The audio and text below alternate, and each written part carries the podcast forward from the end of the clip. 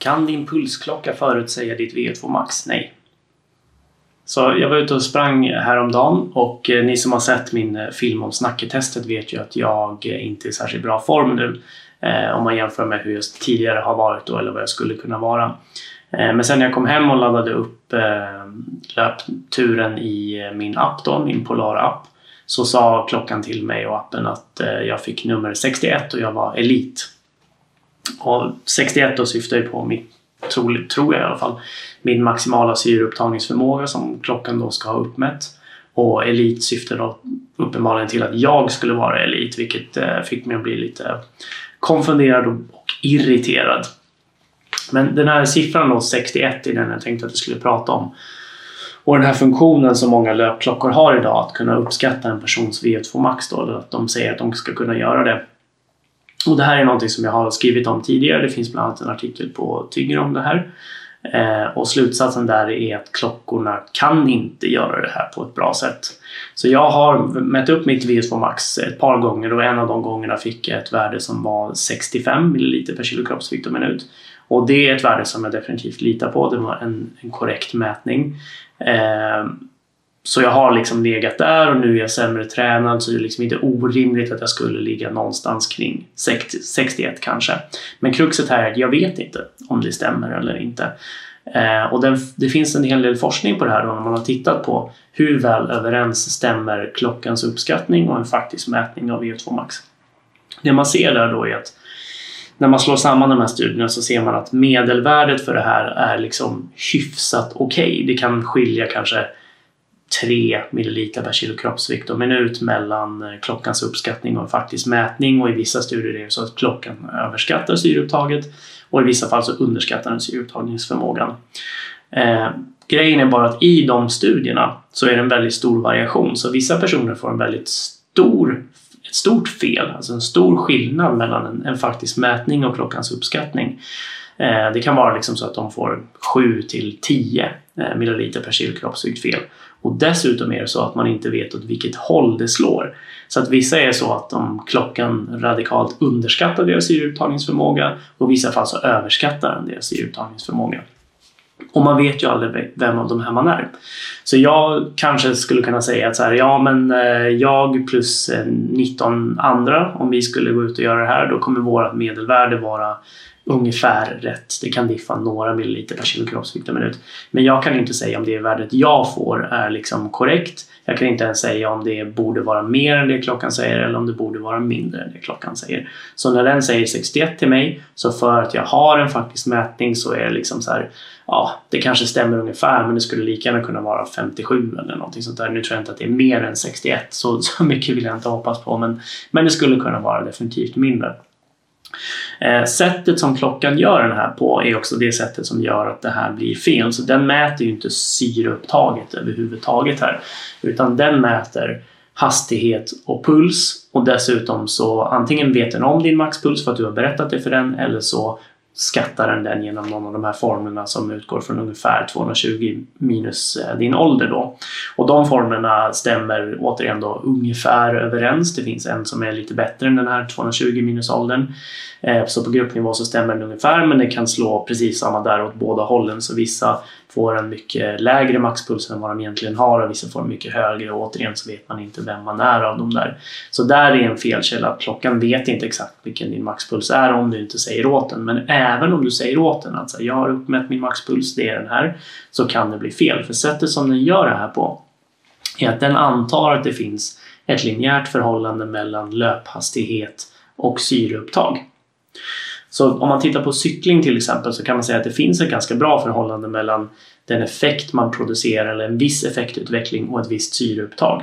Så om du ligger på en eh, viss, ett visst antal watt så kan man säga att här, för att göra det där så behöver din kropp eh, ta upp si och så mycket syre ungefär.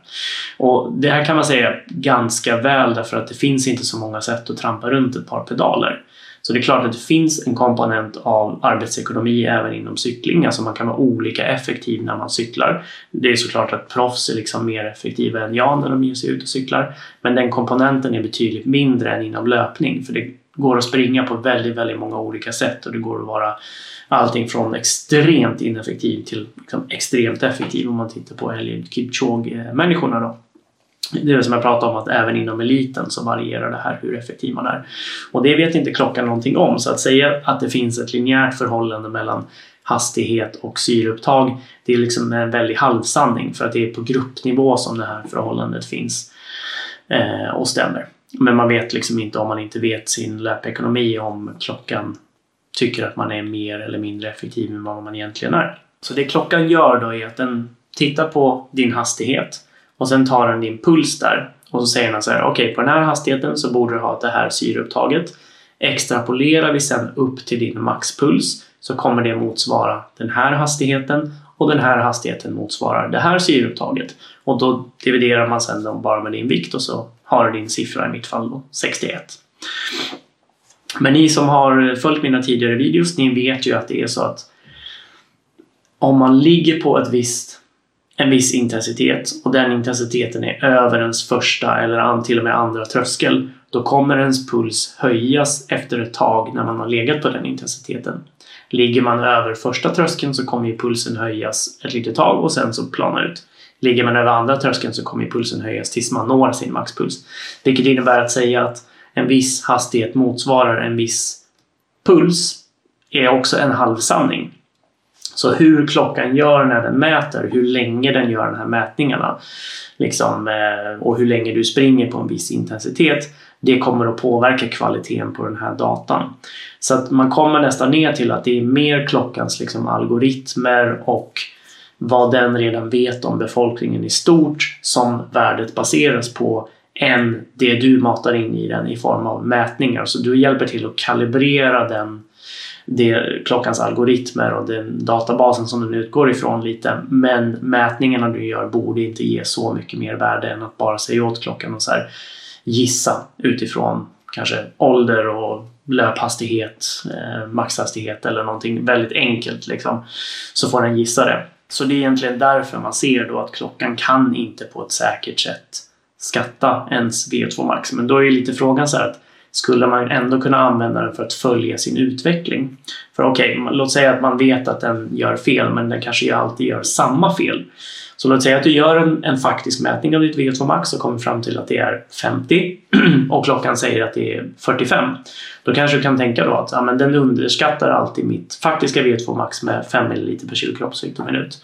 Så att om klockan då helt plötsligt säger 47 då, vet du, då borde du veta då att du har gått upp till 52. Och på så vis kan du följa din utveckling och även om du inte har gjort ett faktiskt test av VO2 max så borde ju liksom alla förändringar i det klockan säger motsvara faktiska förändringar i träningsstatus.